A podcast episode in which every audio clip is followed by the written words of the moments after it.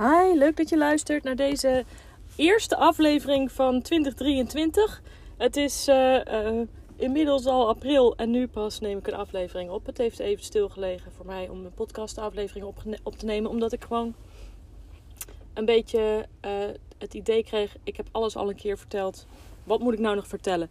Dus um, um, als jij ideeën hebt, vragen, mijn casus voor wil leggen, Um, kom daar absoluut mee, want um, ik kan wel wat uh, input gebruiken na bijna 200 afleveringen. Dan moet ik soms ook even nadenken waar ik het over ga hebben. In deze aflevering heb ik een interview gehad met Ingrid Ros van Annie Welfare. En je kunt haar ook kennen van het Instagram-account CPNIK of CPN Ingrid. Um, heet het tegenwoordig, geloof ik. Ze heeft de naam weer veranderd. Um, en we gaan het hebben over wolfwerende omheiningen voor paarden. Zij heeft daar veel ervaring mee met schapen, inmiddels ook al met paarden. Um, zij werkt samen met werkgroep Wolf Nederland. Ze heeft ook meegewerkt aan het um, gratis e-book dat werkgroep Wolf Nederland uh, heeft uitgebracht over wolfwerende omheiningen voor paarden. Um, maar in deze aflevering vertelt ze ook over de aanvallen van wolven op de schaapskudde um, waarbij ze, waar zij werkt, waar zij mee hoedt. Um, en dat zijn, is voor haar niet makkelijk, omdat er toch best wel veel of hele negatieve, um, ja, nee, eigenlijk negatieve reacties, of heel erg de ene kant op, of heel erg de andere kant op komen. Mensen hebben daar een mening over, uh, vinden daar iets van. Um, dus ik wil je eigenlijk vragen om deze aflevering uh, met een open mind te luisteren. Want uh, de schaapskuddes in Drenthe hebben best wel wat te verduren gehad. Dat zijn onze pioniers. Die hebben als eerste te maken gekregen met wolven. En uh, ze hebben daar in de afgelopen jaren echt geleerd omgaan met um, de aanvallen van de wolven op de schaapskuddes. Hoe hou je dat tegen? Wat kunnen ze doen? En um, wij kunnen met z'n allen heel veel leren van de ervaring die ze daar hebben opgedaan. Zonder dat we ons daar meteen een mening over moeten vormen. Of je überhaupt uh, wel schapen dan op de, op de heide moet hebben. Of um, dat, uh, uh, dat we juist. ja, nou ja, er, er zijn mensen die, die daar hele sterke meningen over hebben. En ik wil je gewoon vragen om die meningen eventjes in te slikken. En gewoon met een open mind te luisteren naar wat de ervaring van uh, Ingrid is uh, hierin. Het is namelijk voor niemand leuk om zijn vee opengereten uh, dood te vinden met ingewanden eruit. Dat is een traumatische ervaring voor je als mens. Dat is ontzettend verdrietig, want je bent heel erg begaan met je vee. En um, om te voorkomen dat wij dat als paardenhouders ook gaan meemaken, is het wel goed om van de ervaringen um, van anderen, uh, zoals die van Ingrid, uh, te leren en daar ons voordeel mee te doen, zonder dat we daar nou meteen um, in de pen moeten klimmen en daar op internet van alles uh, van moeten vinden. Dus nogmaals, Ingrid is niet geïnteresseerd in jouw politieke mening over wel of geen wolf en um, hoe ze schapen moeten houden. Dus ze, is, ze spreekt hier juist heel erg open over deze voor hen ook hele gevoelige kwestie. Want voor herders is het ook echt niet leuk als dit gebeurt in je kudde.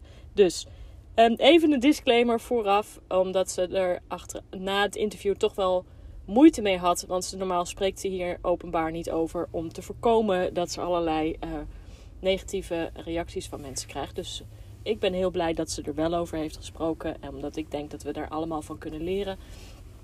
Maar weet dus dat het ook voor de schaapsherders echt een gevoelige kwestie is. Dus um, ga lekker luisteren. En doe je, ervoor, doe je voordeel ermee. En um, alle links staan in de show notes um, om het e-book van Werkgroep Wolf te downloaden. het staat ook in het blog dat ik heb geschreven. Daar kun je ook het werkboek van uh, het e-book van werkgroep Wolf Nederland downloaden. En uh, daar heb ik ook nog een keer alle informatie in beschreven. Dus ik uh, hoop dat je er wat aan hebt. Goedemorgen Ingrid. Goedemorgen Linda. Leuk dat je er bent. Ja, Ehm, ja, het is altijd even nog een doetje om te kijken of we die opname ehm, zo ehm, online tot stand kunnen brengen natuurlijk. Ja, dat klopt. ja, ik ga jou heel even voorstellen aan de luisteraars en dan eh, mag je ook daarna even iets over jezelf vertellen. Vandaag heb ik eh, hier in de podcast Ingrid Ros van Annie Welfare.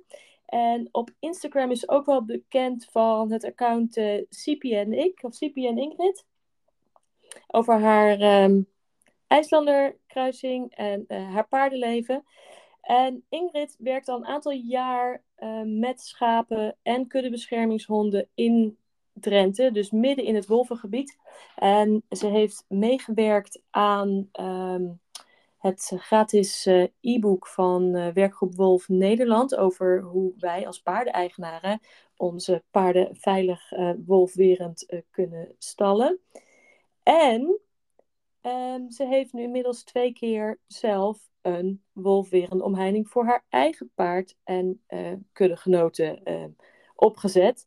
Dus ik dacht, wie kan ik nou beter vragen om ons iets meer te vertellen over ehm wolfwerende omheiningen voor onze paarden. En ons paard is nog steeds paardvriendelijk te stallen, dus niet binnen in de stal, maar lekker buiten in de kudde, dan Ingrid. Dus Ingrid, vertel eens. Wat heb ik gemist in, je, in het voorstelrondje? Wat kan jij nog over jezelf vertellen dat leuk is voor de luisteraars? Ehm, ja, dat is een goede vraag. Je hebt bijna alles wel opgenoemd. Ik ben dus zelf ook aangesloten bij Werkgroep Wolf Nederland. En ehm, ik denk dat het belangrijk is dat je er vooral niet alleen voor staat. Dus als ik iets niet weet, wat rustig voorkomt, dan ehm, zijn er altijd nog mensen die dat wel weten. En dan kan ik daar ook altijd makkelijk na naartoe en, en hun vragen. En ehm, ja, ja, het is eh, altijd wel pittig werk, maar eh, als je ziet dat je dieren dan toch wel veilig buiten kunnen blijven, is dat, wel, is dat het wel waard. Wat, eh, wat, wat, wat, wat is het pittigste aan het wolfwerend eh, omheinen? Dat je met weersomstandigheden of um, je hebt altijd externe factoren die je rasten kunnen beïnvloeden. Dus weer, uh, wild, van alles. Uh, gras dat groeit, want dan heb je je onderste draad weer onder stroom staan. of niet, heb je een stroomlek bedoel ik. Mm -hmm. dus je moet gewoon wel constant um, ben je daarmee bezig. Dus het is niet zo dat je een afrasting zet en dat je er gewoon jaren niet meer uh, al te veel aan hoeft te doen. Dit vergt wel meer om. Hi, nou, ben je er weer? ja, ik weet niet wat daar gebeurt. Oh, die, de app knalde ons eruit. Uh, maar oh. het eerste stuk is gewoon opgenomen, dus dat is mooi. Dus we kunnen gewoon door waar we gebleven waren. Uh, jij was aan het vertellen over um, dat je altijd wel bezig bent met je raster, omdat um, vanwege de weersomstandigheden en gras dat groeit. En dat je het niet gewoon jarenlang kan links laten liggen, um, omdat dat zo pittig is. Dus als, wil je daar nog iets meer over zeggen? Um, ja, nou ja, je hebt natuurlijk de onderste draad uh, gemiddeld op 20 centimeter zitten. Um, en ja, dat, dan heb je gewoon regelmatig dat er uh, gras en, en andere planten tegenaan groeien. En daar moet je gewoon wel regelmatig uh, onderhoud aan verrichten. Om het wolfwerend te houden volgens bij 12 norm. Mm -hmm. ja. ja, en, en als je prikpalen gebruikt, dat je die recht houdt. En um, bijvoorbeeld met, we hebben bij de schapen vaak flexnetten. Ja. Met plus-min systeem. En als het bijvoorbeeld sneeuwt of ijzelt, dan, dan gaat de stroom ook naar beneden. daar moet je dan ook rekening mee houden dat je uh, nou, dat je wel uh, externe factoren hebt, waardoor het altijd uh, iets minder zou kunnen zijn dan optimaal. Ja, en um, ja, er, er, zijn natuurlijk richtlijnen voor, en die richtlijnen staan allemaal in het, in het gratis e-book van Werkgroep Wolf Nederland, die ik overigens in de show notes zal linken, en die is ook gelinkt onderaan mijn blog hierover, dus alle informatie is terug te vinden. Um, Um, maar jij hebt natuurlijk nu met die schapen, heb je dat al een aantal jaar gedaan. Ja. Hebben jullie dan ook al wel eens een aanval gehad? Uh, ja, we hebben bij de schapen drie aanvallen gehad. Uh, de eerste keer toen werkte ik daar nog niet. Um, en toen liepen de schapen dus ook nog los in een, een deel van het Drentse Wold. Um, ja, dat, ja, daar was ik dus niet bij. De tweede keer, uh, toen belde de eigenaresse van de schaapskudde belde mij op. ehm, ja, dat het gewoon wel mis was. En toen hebben we het geluk gehad, gek genoeg klinkt dat misschien, eh, dat de schapen waren uitgebroken. Ehm, dus door, eh, in paniek door de netten heen waren gegaan. En dat we toen maar drie, maar drie, zeg ik dan ook nog, eh, drie dieren zijn verloren. Eén die Mhm. was dood en er lag de, de maag en de pens, alles lag eruit. Eentje die hadden ze in de, in de lies kapot gemaakt. En ja, die andere die was vast komen te zitten, dus eh, in de netten. Dat zijn dan ook dingen waar we van hebben geleerd. Ja. En, en zetten jullie nu de netten anders op dan, dan, dan voorheen? Ja, absoluut. Eh, wat er waarschijnlijk is gebeurd, wat we dus ook hebben gemonitord op wildcamera's, is dat ze ehm, vaak rond beginnen te rennen om de schapen heen. En ehm, Buiten de netten langs? ja, ja, dan beginnen wolven rondom de netten te rennen. Ja. En eh, ja, dan als je maar hard genoeg rondjes rent, dan vliegt er vanzelf een schaap uit. En dat is dus bij de derde keer ook waarschijnlijk gebeurd. Toen zijn de schapen over de netten gesprongen. En eh, ja, die hebben de sprong dus wel kunnen maken. Ehm, en toen hebben we ook dieren verloren. Ja, ik ben er weer. Ja, driemaal scheepsrecht, zullen we maar zeggen. Ja, ik heb nu via de app gedaan. Ik heb even een app, de Spotify-app gedownload, de podcasters. Oh ja, misschien lukt het dan wel. Ja, want ik had hem op Google Chrome en nou, ik denk probeer dit ook even. Ja, oh ja, helemaal goed. Misschien dat hij dan nu eh, stabieler en langer volhoudt. Ja, dat Ehm, hoop nou, je had het erover dat de wolven om de netten heen ehm, in een soort eh, cirkelbeweging eh, de schapen opjagen, zodat er, Ja. dat er vanzelf eentje uit de bocht vliegt. Ja. Ehm, ik heb inderdaad in het werkboek van, in het boek van Werkgroep Wolf Nederland ook gelezen dat het zeker in open vlaktes, eh, open weilanden, goed is om inderdaad ehm, naar de buitenkant toe ook eh, obstructies te maken. Een soort palen naar Ja. buiten toe te maken. Een soort ster te maken van je wei, zeg maar. Zodat Ja. inderdaad niet rondom de wei de paarden op kunnen jagen. Ja, klopt. Ja. Ja, dat doen wij dus eh, de, de derde aanval die we hebben gehad. Dat was dus in de weilanden. Eh, en toen hebben we, vanaf toen hebben we die, die constructie ook opgezet.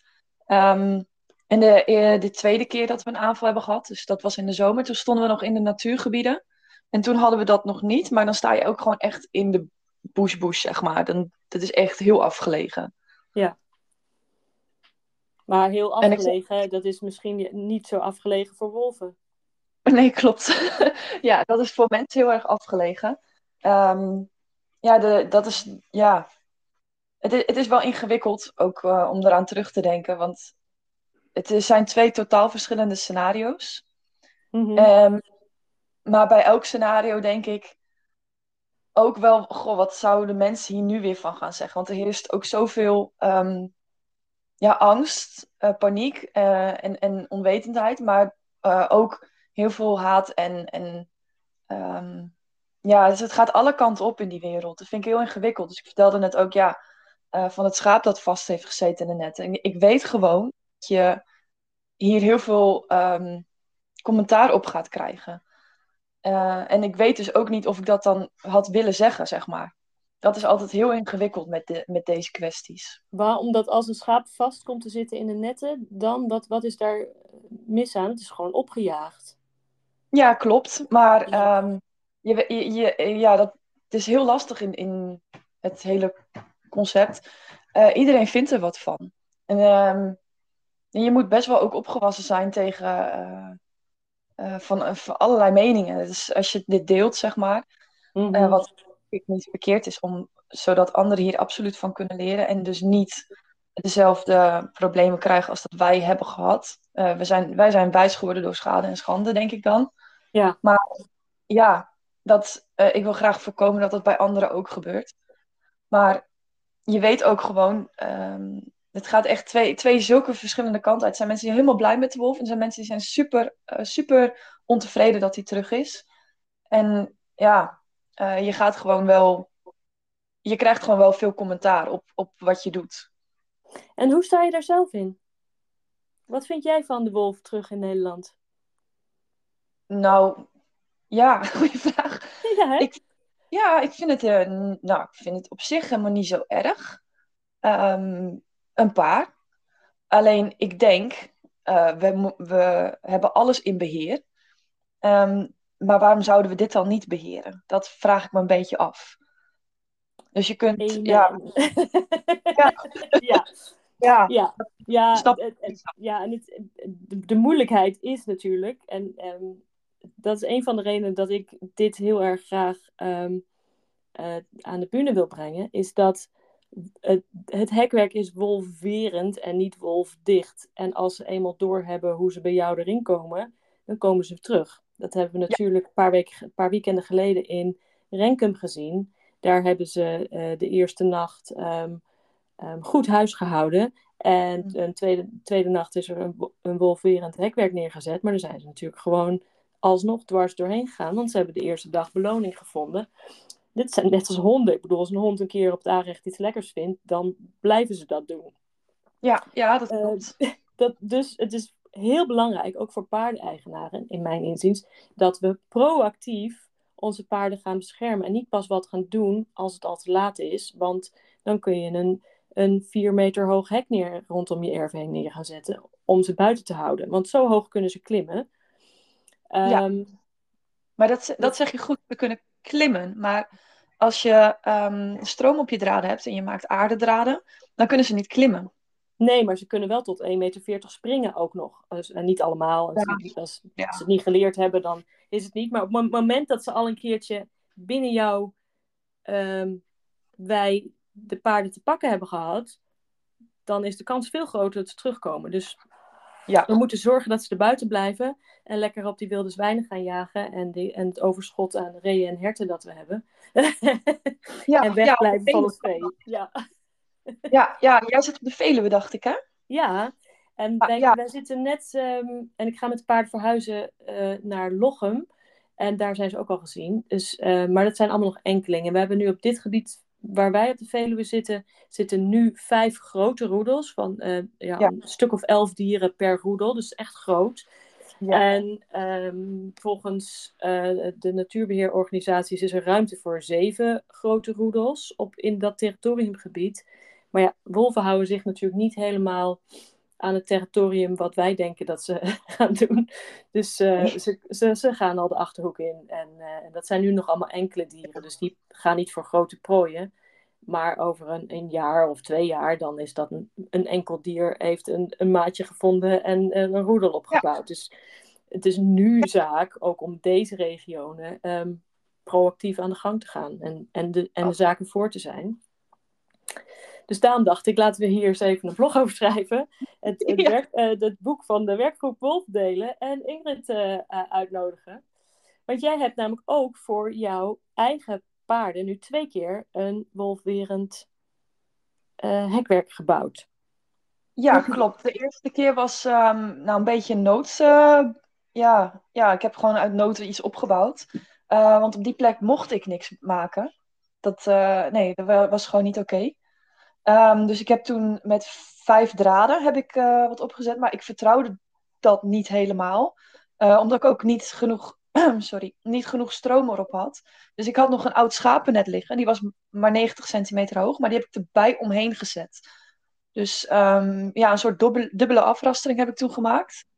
En de tweede keer toen zijn we verhuisd. Um, en daar hebben we een wolverende paddock gemaakt. En dat is dus met uh, stroomdraden, uh, blauw lint, uh, gaas hebben we gemaakt, eh, hekken. De hekken hebben we natuurlijk ook draden voor lang, zodat ze daar ook niet onderdoor kunnen graven of overheen kunnen klimmen of springen. en we hebben het bewust niet in een normaal rechthoek of vierkantje gedaan, maar in een soort L-vorm. En die sluit dan weer aan aan de tuin. En dan om de tuin heen zit dan weer gaas. Dus om daar rondomheen te rennen is eigenlijk onmogelijk. Ja, precies. Dus dan kunnen ze niet weer dat cirkeltje maken om ze um, in, binnen de kraal op te jagen. Ja, klopt. Ja. ja. En, maar dus... je hebt zeg maar wel een Paddock Paradise gemaakt, hè? Ja, ja nou, ik, het is niet van mij. Ik, ik sta in pensioen. Okay. Maar ik begeleid um, het opzetproces, zeg maar. Ja, precies. Nee, nee, maar goed, het is niet van jou. Maar jullie hebben daar een Paddock Paradise. Of, nou ja, in ieder geval een track rondom de wei. Maar die heb je niet wolverend gemaakt. Uh, nee, dat is ook wel bewust. Oh. Eén, ehm, dat is heel veel onderhoud. Maar twee, we zitten dicht aan, een, aan het Dwingelenveld. Ja. En uh, ja, daar lopen hazen en er loopt een fazanthaan en, en reeën. En ehm, ja, ik weet niet of het dan per se goed is om die dan ook te moeten beperken. De, want ze kunnen nu gewoon vrij uit door onze wei lopen uh, en over de trek. En ja, we zijn ook bezig met aanplanten van uh, bloemen, uh, planten, um, struiken, bomen, alles. Mm -hmm. En je wilt eigenlijk samenwerken met de natuur in zo'n systeem. Um, maar ja, door dan je afrastering wolverend te maken, ben ik bang dat je de dieren te veel beperkt. En als, je, als ze dan wel een manier vinden om onder de draden door te komen, dan zit er waarschijnlijk ergens een kuil en dan is het ook al niet meer wolverend. Dus ja, dat is een afweging die wij hebben gemaakt. Ja. En dat is voor iedereen anders. Ik, ik kan nu rustig slapen. um, maar voor iemand, ja, voor iemand anders is dat misschien uh, wel heel wat anders. Nou ja, je zit natuurlijk wel um, midden in het wolvengebied al een paar jaar. Met ook veel roedels daar in de buurt. Ja. Dus uh, hebben jullie dan ook al aanvallen op paarden gehad in de regio? Ik zal je heel eerlijk zeggen dat ik me daar een beetje voor heb afgesloten om, dat allemaal te zien. Ik weet wel dat er in de buurt een Shetland pony is opgegeten. Um, maar volgens mij was dat, ik weet niet of dat dus van een wolf of een hond was. Daar was nog een beetje speculatie over. Maar ik heb dat dus niet ik heb dat niet opgezocht. Ik heb dat niet bewust um, gevolgd allemaal. Een beetje uit zelfbescherming. Misschien een beetje kop in het zand steken, maar um, het, is, het is al zo intensief met de schapen en mijn eigen paarden, dat ik um, een beetje heb afgesloten voor alles wat er nog meer speelt. Nou, groot gelijk. Je moet jezelf ook um, een beetje mentaal gezond houden. Hè? Dus uh, als het te veel ja. is, dan uh, moet je dat ook niet, uh, niet willen opzoeken. Al die negativiteit ja, ja. en al die, al die stress daarover en de angsten die daar wellicht bij komen. Um, ja, ja. Ja. Dat is ook vaak een beetje wat je op internet dan krijgt, want dan zoek ik het dus op internet op. En dan komt daar meteen heel veel andere informatie bij. Je kunt dat niet goed filteren. Nee, het is meteen ook heel erg, uh, heel erg pro of heel erg anti. Ja, uh, ja. ja. Nou, en ik probeer daar wel een beetje een nuance ertussenin uh, te vinden. Ja. Want uh, ik denk dat je best wat kunt doen. Ik denk ook dat het helemaal niet erg is dat er een wolf ergens in Nederland loopt, of een, iets meer dan één. Um, maar ik denk ook, ja, uh, niet aan het vee komen. Nog dat van mij, nog dat van een ander. Ja. Dat ja. denk ik ook. Ja, en we zijn er helemaal niet meer op ingericht. Hè? Want vroeger gingen de alle schapen natuurlijk of de schaapskooi in of de nachtkraal in. En dan uh, um, stonden ze veiliger voor de nacht. Maar daar, dat, dat is eigenlijk al zoveel jaar niet meer, dat wij ook helemaal niet zo um, erop aan gewend zijn om onze dieren op die manier te houden. Ja. Um, wat, wat ik wel heel lastig vind, is dat we natuurlijk net met een revolutie bezig zijn om al die paarden uit de stal te krijgen. En dat dan de wolf op komt dagen. En dat nu iedereen in paniek het paard toch s'nachts weer op stal of de hele dagen weer op stal gaat zetten. En dat is natuurlijk vreselijk zonde, want dat is heel ongezond voor paarden. Dus ja. uh, daarom vind ik het heel belangrijk dat we wel een ander geluid laten horen. Dat het ook mogelijk is om de paarden buiten in een paddock paradise systeem of in een paardentuinsysteem of in een hitactief systeem um, wolfwerend uh, te kunnen huisvesten. Zodat uh, um, het een goed, paard, goed paardvriendelijk leven is. En, uh, um, en we ons, onze paarden toch uh, beschermen. En dan ja. is het natuurlijk wel zo, hoe groter het paard, hoe kleiner het risico dat ze aangevallen worden. Um, ja. Maar ja, dit, ja, we hebben nu weer veulenseizoen. Juist die merries met veulens die buiten bevallen, zijn nu weer kwetsbaarder. Daar moeten we ons ja. ook rekening mee houden. Ja. Um, jij hebt um, Um, ja, oh, dat heb je net verteld. Ik heb een paar vragen opgeschreven hoor. Um, oh. ja, ja, jij, jij werkt ook met, bij de schapen met kudde beschermingshonden. Ja, klopt. Hoe ja. is je ervaring daarmee? Um, ja, eigenlijk vind ik het hele leuke honden en past het heel goed bij me. Uh, maar ik merk wel dat, uh, dat, dat, dat heel veel mensen dat dus en ja, nog niet gewend zijn. We moeten nog heel veel educatie geven daarover.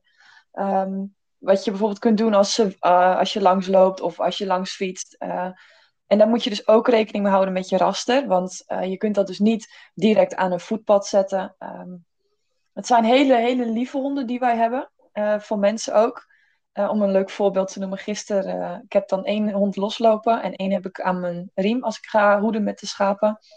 En er kwam een kindje van twee jaar met de familie. En die was daar gewoon even in het zand aan het spelen. En uh, die hond komt aanlopen en die, die snuffelt even. En het kindje doet heel subtiel iets zijn handen terug. En die hond kijkt weg en loopt netjes door. Dus ze zijn zo. Ze zien alles, ze zijn zo subtiel. Mm -hmm. um, maar ze zien dus alles. Dat is dus ook. nou, dat kan dus twee kanten op. Ze kunnen heel subtiel, heel fijn met je samenwerken. En ook met de schapen, heel fijn. Uh, maar als er ook maar iets langskomt, dan zien ze het ook. En dan slaan ze wel, uh, nou niet altijd aan, maar ze kunnen wel dan ook weer filteren als het wel of niet gevaarlijk zou kunnen zijn. En hoe leren ze dat dan? Um, ja, door met uh, oudere dieren mee te, op te trekken. Dus um, ze moeten wel vanaf jongs af aan bij vee zijn. Uh, om daar om goed een band mee op te bouwen. Je wilt ze niet in huis hebben. Want dan maken ze een band met jou. En dan gaan ze jou um, ja, beschermen. dus je wilt ze absoluut bij het vee hebben. Uh, maar ja, als je jong bent, uh, dan, ja, dan weet je natuurlijk ook niet wat goed en wat fout is. Of als dat er überhaupt mag zijn. Um, en wat je dan wel of niet moet doen. En in welke situatie je wel moet aanslaan en niet moet aanslaan. Uh, en daarnaast zijn ze vaak ook nog speels. Dus um, ja, het is denk ik. Ja, deze ervaring heb ik dus nog niet voldoende. Maar wat we nu zien bij een jonge hond is dat we dat ze wel baat bij heeft als er oudere dieren bij zijn. En um, ja, moet er ook no echt duidelijk bij zeggen, tot een jaar of twee, tweeënhalf, um, moet je ervan uitgaan dat ze niet betrouwbaar zijn, niet in te zetten. Uh, voor, voor bescherming. Ja, precies. Dan zijn ze gewoon nog niet volleerd. Nee, nee, dan kun je het niet op, opbouwen. Nee. Uh, dan moet je gewoon echt bij zijn. Je moet zien wat ze doen. Uh, want ze gaan ook proberen te spelen. En ja, dat is niet zo handig met schapen.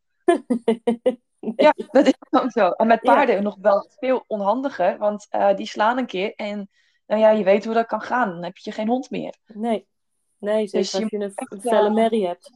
Dat is de voorbeenpas. Ja, ja. ja.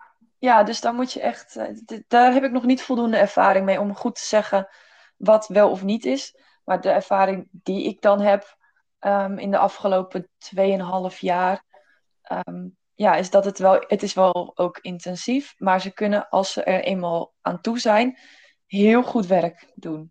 Dus ze zijn er heel blij mee. Zie je dan ook verschil in um, de hoeveelheid aanvallen of in, um, op het moment dat er kuddebeschermingshonden bij de schapen lopen? Zie je daar, worden ze dan nog aangevallen?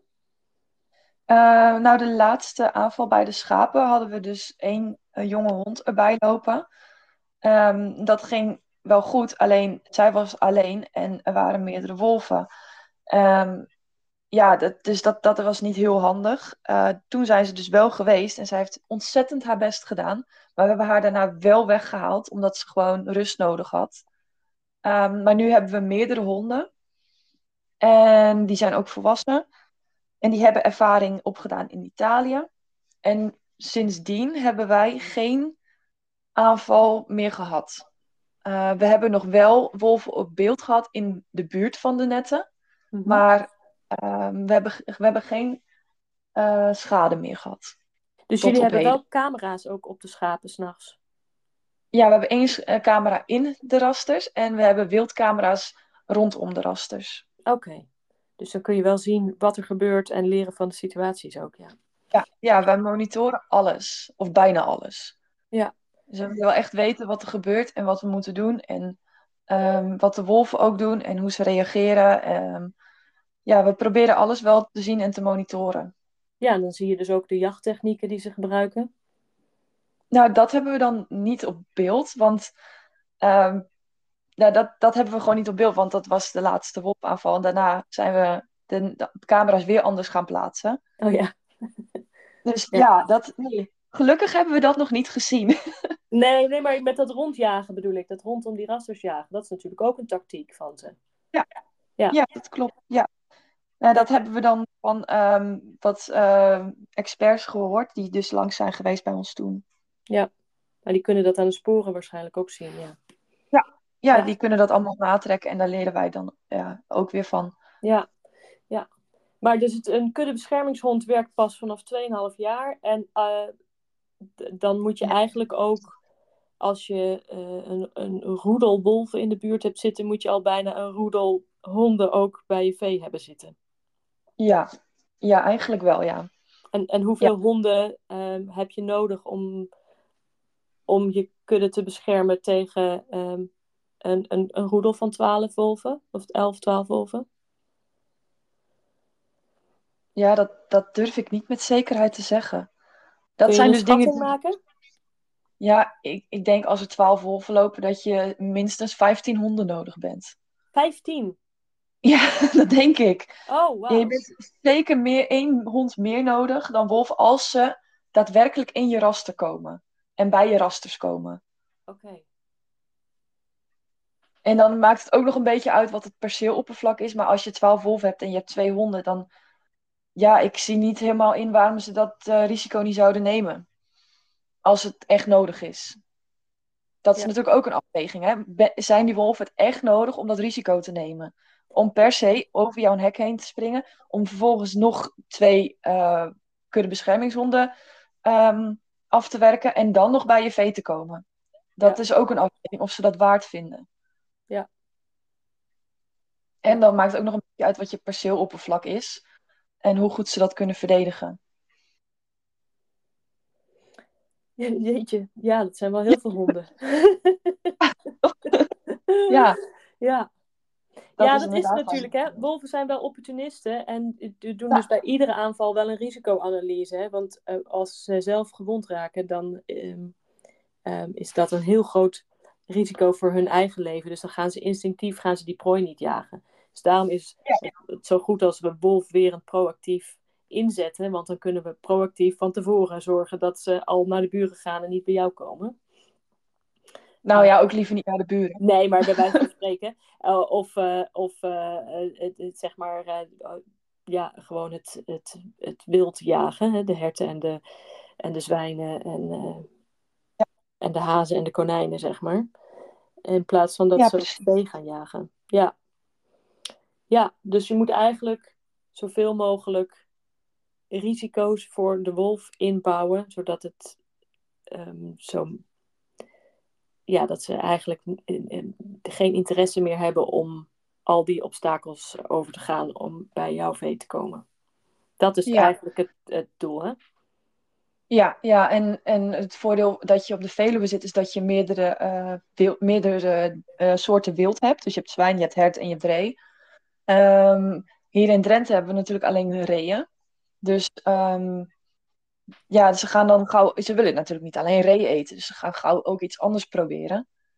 Ehm, dus ja, daar zit je dan, daar zit je dan ook nog me- mee. Het is niet zo dat als je een hek hebt en een paar honden, dat het dan oké is. Maar je zit ook nog met eh, de wildstand en, en hoeveel is daarvan en wat heb je lopen.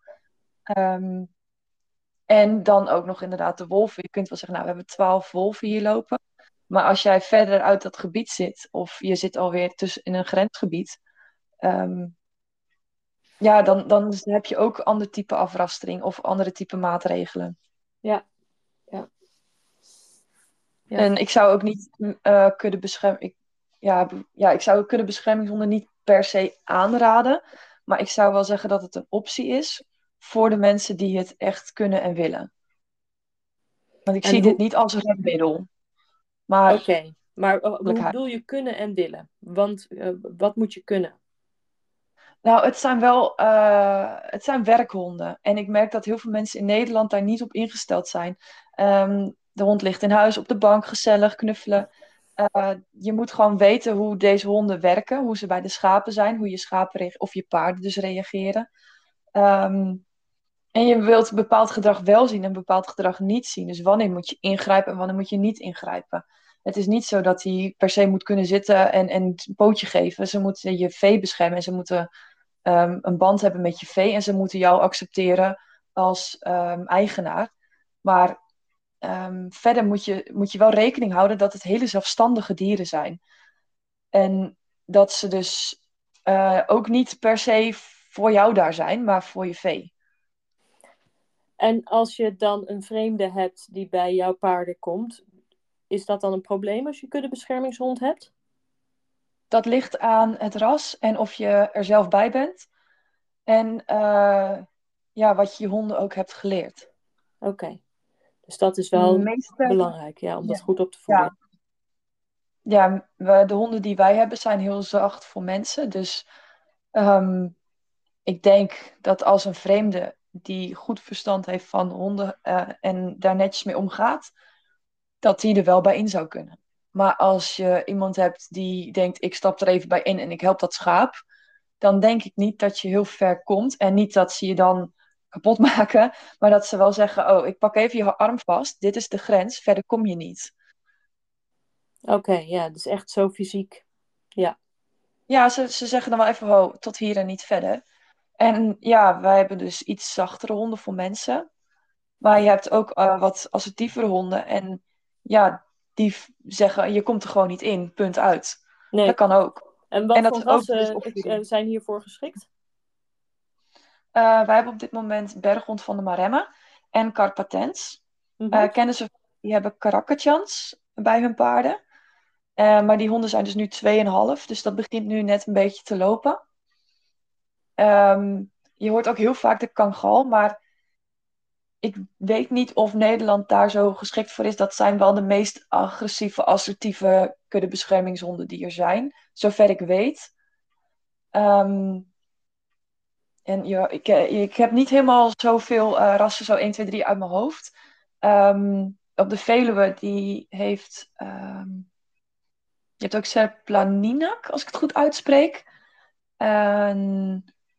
Hoe heette die andere ook alweer? Dat is dus een Spaans ras. Nou, daar kom ik even niet op de naam. Oké, okay, um, dat geeft niet hoor. Dat komt misschien maar grote witte honden.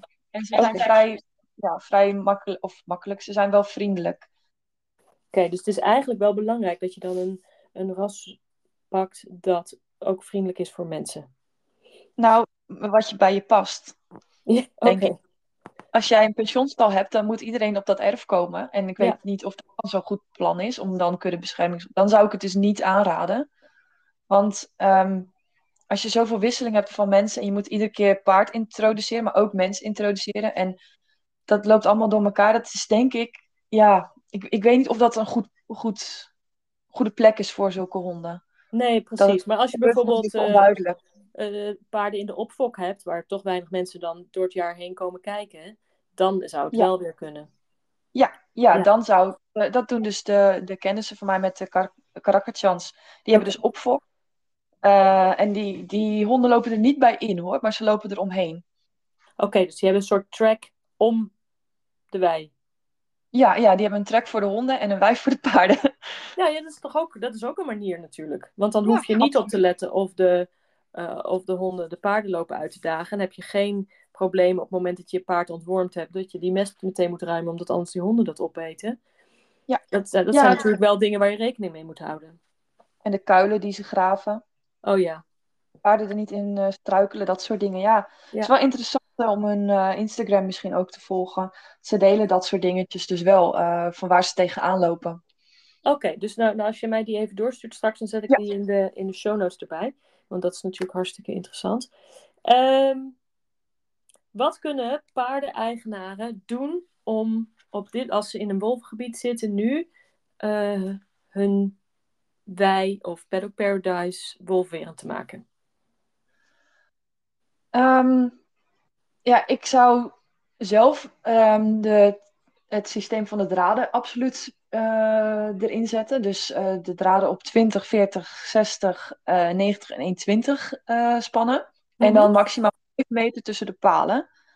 Um, maar wat je ook kan doen is dat je zegt, nou ik doe op een gegeven moment zitten tussen 60 en 90 wel echt een gat. dus je kan ook zeggen, nou we doen 20, 40, 60, 80, 100 en dan nog een keer 120. En zelf heb ik tot 1,40 gedaan.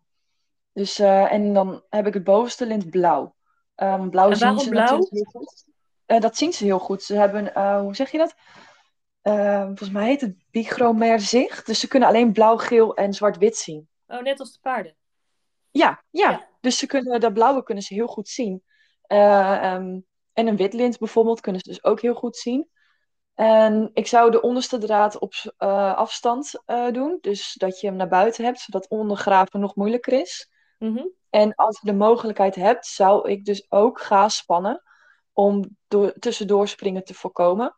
Maar dan moet je wel het gaas aan de buitenkant doen. En dan aan de binnenkant ehm, ook even een draadje spannen voor je paarden, zodat ze een beetje afstand houden. Oké, dus dan heb je bijna ehm, zeven draden eh, aan je paal zitten. Binnen en Ja. buitenkant. Ja. Ja. Nou ja, je kan ook zeggen, eh, ik doe 40 en 80 eh, aan de binnenkant. En ehm 20, 60, eh 100 en 120 en eventueel 140 eh, aan de buitenkant. Oké. Dat zou eventueel ook kunnen. Alleen die draad op 60 centimeter, dat is een hele belangrijke. En die op 20 centimeter. Eh 60 centimeter is de neushoogte van een wolf. Mhm. Dus daar komen ze als eerste tegenaan. En 20 centimeter is voor het onderdoorkomen. Ja, dat is niet gaan graven. Ja, nou, en dan de 1,20 voor het eh, overheen springen. En zou je dan ook nog zeggen, je moet eigenlijk ehm, in de grond ook nog iets ingraven, gaas ingraven, zodat ze daar niet doorheen gaan, niet onderdoor kunnen? Of is dat eh, niet nodig? Tot op heden denk ik van niet. Wat ik zelf wel heb bedacht is dat ik eventueel tegels onder de onderste draad ook wil leggen. Eén, voor het onderhoud is dat makkelijker. Ja. En twee, eh, ja, dat, dat is iets minder makkelijk om onderdoor te graven. En doordat je, eh, als je en gaas hebt en je hebt een afstandisolator ehm, op 20 centimeter, moet je ook al echt een stuk onderdoor graven. Dat, dat, daar vloep je niet zomaar even onderdoor als wolf zijnde. Dus dan moet je echt een hele kuil eronder doorgraven. Wil je bij de dieren, dieren inkomen? Ja, precies. Ehm, de zwakke punten van een omheining zijn natuurlijk altijd de poort. Hoe Ja. doen we dat? Ehm, ja, wij hebben dus een hek. En daarvoor langs hebben we dan eh, op 20 centimeter eh, een draad. En bij ons is het nog niet af. Dus ik moet nog op 60 centimeter een draad doen. En nou, bovenste hebben we dan wel. Dat is op 120 en op eh, 140 centimeter hebben we lint. eh bovenlangs het hek gespannen. Mhm. Ehm, maar dat is nog wel, daar ben ik zelf ook nog een beetje zoekende in, want dat is bij de schapen dus ook zo. We hebben bij de schapen bijvoorbeeld een houten poort. En eh, op die poort zit dan een isolator en daaroverheen is dan weer eh, staaldraad gespannen bij de, bij de schapen. Dus eh, je hebt wel verschillende manieren. Je kunt ook gewoon zeggen, nou, ik doe gewoon vijf hekkensluiters. vijf draden dus, of zes. Ehm, het moet ook, je moet ook even kijken wat voor jezelf werkt. Want als jij zegt, ik wil, dat heb ik gezegd, ik vind het echt onzin om vijf hekkensluiters open te moeten doen, of zes. Dat is echt een gedoe van niks. Ehm, maar ja, ondertussen zit ik daar toch wel bijna aan. En een hek. Eh, Ja. Ik voel me er gewoon beter bij om daar iets van een hek of gaas bij tussen te hebben. Eh, omdat, ik, omdat we geen aardedraad hebben. Dus als die springt, dan krijgt hij bij ons geen stroom. Ehm, dus daarom heb, heb ik wel de prioriteit om een gaas bij te hebben of een hek. Eh, dus je kunt gewoon daarvoor langs kun je draden spannen. Je kunt dus ook een houten hek kiezen en daarop ehm, draden maken. Mhm. En je zou eventueel, je hebt van die ehm, stoeptegels, die zou je er eventueel onder kunnen eh, maken, zodat onderdoorgraven echt, echt niet mogelijk is. Ja, maar dan moet je al bijna van die grote grindtegels neerleggen of zo. Van die echt, echt grote tegels. Want ehm, Ja. ik weet van mijn honden, ik heb Hollandse herders, de- die graven echt een stoeptegel aan de kant hoor, als ze daar echt iets willen. Ja, klopt. Ja, En, en wolven zijn gewoon nog een beetje sterker. ja. ja absoluut. Ja. ja. Dus dan Dus moet je je, moet echt al van die grote, groot, echt grote tegels neer. Echt grote grindtegels of zo eronder onder leggen. Ja. Ja, Ja. ja. dat zou kunnen. Daar kun je, daar kun je voor kiezen. ja, Ja, wij hebben het heden niet gedaan. Ehm, we, hebben op de, ja, we hebben de stroomdraden dus iets op afstand en dan nog een hek. En dan heb je natuurlijk die handvaten van, van dat hek. Hè? Je hebt van die, van die speciale handvaten zodat wij niet onder stroom komen. Is dat, dat zat ik te denken. Want hè, wolven kunnen al een klein stukje van 20 bij 20 kunnen ze al doorheen. Kunnen, geeft dat dan niet net de ruimte dat ze daar dan wel doorheen kunnen als je van die handvaten hebt? Ik eh, zie hem niet helemaal voor me wat je bedoelt. Nou, je hebt van die, ehm, van die plastic handvaten die je aan die, aan die hekkensluiters, zeg maar. Aan het eind van de draad, zodat dat je die Oh ja, draad ja. open kan maken. Snap je dan wat ik bedoel? ja, ja, ja. Is dat niet al te breed, zodat een wolf daar dan ehm, onder de door kan piepen? Omdat hij dan op die plek krijgt hij geen stroom natuurlijk. Dat vind ik een hele goede vraag. Daar heb ik eigenlijk nog nooit bij stilgestaan. Zal ik dat voor je navragen? Ja, en ik zat namelijk te denken, wel, misschien moet je ze wel om en om doen. Dat je de ene kant ehm, ze aan de ene kant sluit en de andere kant aan de andere kant. Dat je niet een hele rit zo boven elkaar hebt. Ik Nou, ga het dus- even opschrijven dus wat je net vraagt. Ik zat, al, ik zat ook al te puzzelen natuurlijk. Zo gaat het in mijn hoofd. dus ehm, iets anders dat ik las in het eh, eh, e-book van Werkgroep Wolf Nederland is dat het heel belangrijk is om inderdaad een onoverzichtelijk landschap te hebben. Dus een open wei is heel erg funest, want dan kunnen wolven rondom gaan jagen en hebben ze overzicht. Ja. En ehm, het aanleggen van een, eh, ja, eigenlijk meer een paddock paradise of een paardentuin, waar eh, er meer beschutting en een soort coulissenlandschap eh, gecreëerd wordt, geeft eigenlijk eh, meer veiligheid aan je paarden. Ja, ja, je maakt dan als het ware een eh, z- eh, extra barrière. Dus wat je dan krijgt is, eh, als je, steken, als je stekelbosjes gebruikt, zoals meidoorn of eh, nou, zoiets. Mhm. Eén, je haalt het zicht weg. Dus eh, ze moeten echt op geur, moeten ze dan jouw vee kunnen ruiken. Daarnaast moeten ze dus nog door die heg heen. of overheen. Maar ja, als je er overheen gaat, weet je niet wat er aan de andere kant is. Dus dat is echt een hoog risico wat je dan neemt als wolf zijnde. En ja, tussendoor, dat is natuurlijk wel een beetje pijnlijk met al die stekels. En wat je dan ook nog zou kunnen doen, is dat je aan de binnenkant gewoon een paar draden hebt voor je paarden, maar dat je aan de buitenkant ook nog de stroomdraden doet. Dus moet je eerst door de stroomdraden heen, dan moet hij nog over een, of door een prikkelheg heen, en dan pas is hij in je, in je wei. En dan zou je ook nog bij je wei ehm, die extra stroomdraden kunnen maken. Ja, precies. Dat je daar dan ook weer een nachtkraal binnen in de wei maakt. Ja, bijvoorbeeld, ja. ja. Dus dat je echt dubbele afrastering hebt en struiken. Ja. Eh, maar die struiken, dat is wel een jarenproces. Dus dat kun je nu wel neerzetten, maar dan is het natuurlijk niet dicht. Nee, dat duurt even. Ja, dat Ja. ben je zo tien jaar verder voordat het helemaal staat. Maar laten we daarom ook vooral proactief aan de gang gaan. Want over tien jaar hebben we nog steeds wolven. Die zijn niet weg. En het worden er alleen maar meer. zo. Ja, Eh, ja, dat denk ik wel, ja. Ja, ja. ehm, dan is er ook natuurlijk belangrijk hoe groot de kudde paarden is. En hoe groter en hoe stabieler de kudde, hoe beter ze zichzelf ook kunnen beschermen op het moment dat wolven wel binnenkomen. Ja. Ehm, is daar een maatstaf voor? Hoeveel paarden eh, kun je het beste samenzetten om, eh, om elkaar te beschermen? Of heb je daar geen nummers, getallen? Nee, ik denk dat we hier in Nederland daar gewoon nog niet zo ver in zijn. En we kunnen natuurlijk wel in het buitenland vragen en, en checken hoe ze het daar doen. Ehm, maar ja, de, de wolven zijn gewoon ook altijd anders. Dus we kunnen zeggen, nou, in Amerika gebeurt het zo. Ja, die wolven zijn gewoon anders. En ze hebben daar heel ander landschap dan dat we hier hebben. En dan kunnen we het meest eh, handige wat we kunnen doen is kijken hoe dat in Duitsland gaat. Want daar hebben ze natuurlijk al iets meer ervaring. Of heel wat meer ervaring. Mhm. Eh, en het zijn dezelfde wolven. Ja, ik denk gewoon dat het heel belangrijk is dat je een goede dynamiek hebt in je groep. Ehm, wat mij is geleerd is dat je een leidende merrie hebt en een drijvende hengst. Eh, en ik denk gewoon dat als je daarbinnen een kudde hebt, zeg maar, dat je één hebt die leiding geeft en dus altijd de weg weet. En je hebt eentje die eh, achterop loopt en zegt: Oké, dit is het tempo, of dit gaan we lopen. Ehm, dat je al een heel eind bent. Ja. Als dat logisch klinkt. Dat, je, dat, ehm, dat, er, achter, dat er een achterste eh, paard is die zegt: Oké, we gaan. En vaak zijn dat dan niet per se de vluchtdieren, maar die kunnen ook nog wel eens in de verdediging gaan. En dat je eentje voorop hebt die, die eh, het voortouw neemt, als het ware, die zegt: Oké, en nu gaan we hierheen en nu moeten we daarheen. Ja. Ehm, Maar En goed, dat alle paarden die staan natuurlijk lopen, dat die alleen dan meegaan. twee. En ehm, dat is natuurlijk dan een te kleine kudde. Dus je, wat, wat zeg Ja. je, minimaal drie, vier, vijf? ik zou zeggen minimaal vier. Minimaal vier paarden. Als je, en, en dan stabiel, dat ze ook goed, goed aan elkaar gewaagd zijn natuurlijk. En dat ze het eh, goed hebben samen. Dat er niet eentje buitengesloten wordt. Ja, ja.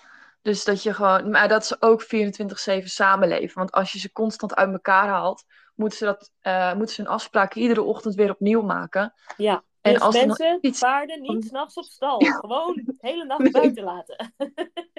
ja, gewoon lekker samen laten. Want door ze 24-7 samen te laten leven, zijn alle regeltjes en afspraken onderling gewoon altijd hetzelfde. En hoef je dat niet iedere ochtend opnieuw af te spreken. Ja, ja helemaal waar. Daar ben ik het helemaal mee eens. ja, ja, ja. Maar Alleen ja, dat is gewoon. als het moet. Ja, en, en daarnaast haal je ze dus uit elkaar. Dus is hun veilige omgeving ook onderbroken. Dus de stress die ze dan opbouwen, die ze dan s ochtends er weer uit moeten gooien, um, levert ook weer onrust op en onhandigheden. En ja, de afspraken blijven dan gewoon niet uh, stabiel in de kudde. En dat zorgt alleen maar voor meer stress, onrust en onveiligheid. Ja, absoluut. Daar ben ik het helemaal mee eens. Dus, nou, hebben we ook meteen even weer wat uh, mensen gezegd hoe ze de kudde stabieler kunnen krijgen. Helemaal goed. Lekker naar buiten, lekker naar buiten. Ja. Um, Ingrid, ja. jij geeft ook advies aan um, paardeneigenaren die hun um, wij um, wolfwereld willen inrichten. Waarvoor kunnen mensen jou precies inhuren? Um, ja, ik heb uh, een bedrijf dus uh, Annie Welfare, of ik ben ZZP'er. En dat staat voor Animal Welfare. En daar heb ik uh, recent aan toegevoegd dat ik dus ook wel advies wil geven over hoe je dus je huisvesting ook wolverend zou kunnen maken. En ik heb dus besloten om dat niet over de telefoon te doen, maar echt op, bij mensen op locatie te komen, omdat je met zoveel factoren te maken hebt. Uh, zoals, ja, en, en dat ik daar dan op locatie met mensen mee kan kijken. Um, en uh, wat je dan dus ook nodig bent. Uh, ik kan dus ook eventueel um, wat heb ik nou gezegd? Sorry, dat moet ik heel even opzoeken hoor. Kun, kun je knippen en plakken in de opnames? nee, ik doe niet aan knippen en plakken. Dus... Ah, oké. Okay. Oh, jammer. ja, ah, jammer. Jammer, ja. jammer, jammer. Ja, nee, dus gewoon advies. Dus ik, daarvoor kom ik langs. Um, je moet echt even na. Ja, sowieso. En um, ook advies en, en uh, verrijking. Dus wat je kunt doen om eventueel je wolf in bed ook, ook leuk te maken. En... Nou, dat is ook belangrijk. Ja, ja, precies. Want het moet voor de paarden leuk zijn en ontspannen. En uh, die, dat ze lekker uh, een beetje kunnen browsen. En ja, rond kunnen snuffelen. Ja. Ja, en, en ik kan eventueel ook een uitwerking voor je maken. Dus ik kan wel langskomen en zeggen, nou, zo, zo moet je het doen. Maar als je dan nog denkt, ja, hoe zat het ook alweer? Dan kan ik dus alles wat we hebben besproken ook voor je uitwerken. En een plattegrond maken van, nou, zo en zo. En dat hek hier. En um, het systeem van de palen. En welke kant je de um, isolatoren hebt, um, de vorm van, uh, van je paddock. Maar ja, ik wil het ook wel breder trekken dan alleen paardeneigenaar hoor. Dus, dus voor koeien of voor schapen of ezels, het kan allemaal. Ja, precies. Ja, leuk. Dus, nou, we gaan jouw dingen allemaal in de show notes zetten. Maar vertel even iedereen, hoe kunnen ze jou op Instagram uh, vinden en waar, wat is je website? Dan als ze niet naar de show notes gaan, dat ze toch al even kunnen opsnorren? Ja, ik ben op Instagram en Facebook Annie Welfare. En mijn website uh, is anniewelfare.nl, maar die is op dit moment nog in uh, opbouw. Oké. Oh, nou, die moet dan heel snel klaar, want dan nu gaan mensen je zoeken natuurlijk. maar ze kunnen je ook wel via, via uh, Instagram even. ja, ja Instagram en Facebook. Ja, ja, ja helemaal, helemaal leuk. Nou, super. Dankjewel voor je um, uitleg en, en je ervaring. En um, voor, ieder, voor alle luisteraars, zit je nou nog met vragen? Uh, neem even contact op met uh, Ingrid. Ik heb gezien wat de prijzen zijn van het advies. En het kost geen drol. Dus ga het vooral doen. Want uh, dat is je paard makkelijk waard. Um, en ja, je hoort het, heeft hartstikke veel ervaring. Dus zit je in een wolvengebied of grens je aan een gebied waar de wolven zich nu gaan uitbreiden, ga dan proactief aan de slag en uh, neem even contact op met Ingrid om je uh, opzet helemaal uh, klaar te stomen en te weten wat je wel en niet moet doen. Alright. Ingrid, heb je nog een laatste advies voor de mensen die luisteren? Ja, je kunt beter iets doen dan niets. Dus mocht je denken, ja, dit is nog niet perfect, dat maakt niet uit. Uh, je hebt iets gedaan en dat is altijd een goed begin. Dus dat zou ik als advies mee willen geven. Als je denkt, ah, ik kan het overzien of ik weet het nog niet, maar ik wil wel iets doen. Begin ergens. Uh, het is altijd beter dan niks. Ja, precies. Want als jij jouw wij beter hebt ingericht dan de buurman, dan gaan ze naar de buurman en niet bij jou. En natuurlijk wil je, wens je dat je buurman niet toe, maar um, zo simpel is het wel. Dus um, iets ja, is nou, ik beter dan dat Het belangrijk is dat het niet ieder voor zich wordt, dat, maar dat we elkaar echt nee. helpen. Ja, tuurlijk. Dat, daar, daar, maar ik bedoel maar te zeggen, een wolf gaat gewoon op basis van een risicoanalyse. Kan ik hier makkelijk ja. in? Is dit me, ja. de prooi me waard? En um, hij is gewoon een opportunist. Dus als het, als, als het makkelijk is, dan komt hij het halen. En dan komt hij de volgende dag nog een keertje. En nog een keertje en nog een keertje.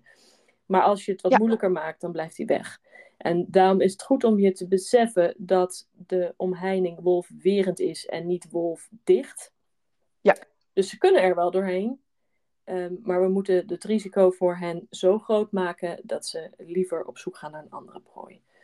Ja. En dat is eigenlijk eh, waar we naartoe moeten. En daarom is iets doen inderdaad beter dan niets doen. En al is het maar die onderste draad van 20 centimeter, uh, zodat ze niet onderdoor kunnen graven. Dat is denk ik ook al een goed begin. En eentje op 60 centimeter op neushoogte. Dan, uh, dan ben je al goed bezig. Hè? Ja, en ja. vraag even bij de provincie um, wat je kunt, of je nog subsidie of maatregelen kunt lenen of krijgen. Um, provincie Drenthe heeft per 1 april dus ook subsidie voor paardenhouders. En okay. hopelijk volgen er meerdere provincies. Ja, nou dat mag provincie Gelderland dan ook wel gaan doen. maar goed, uh, ja.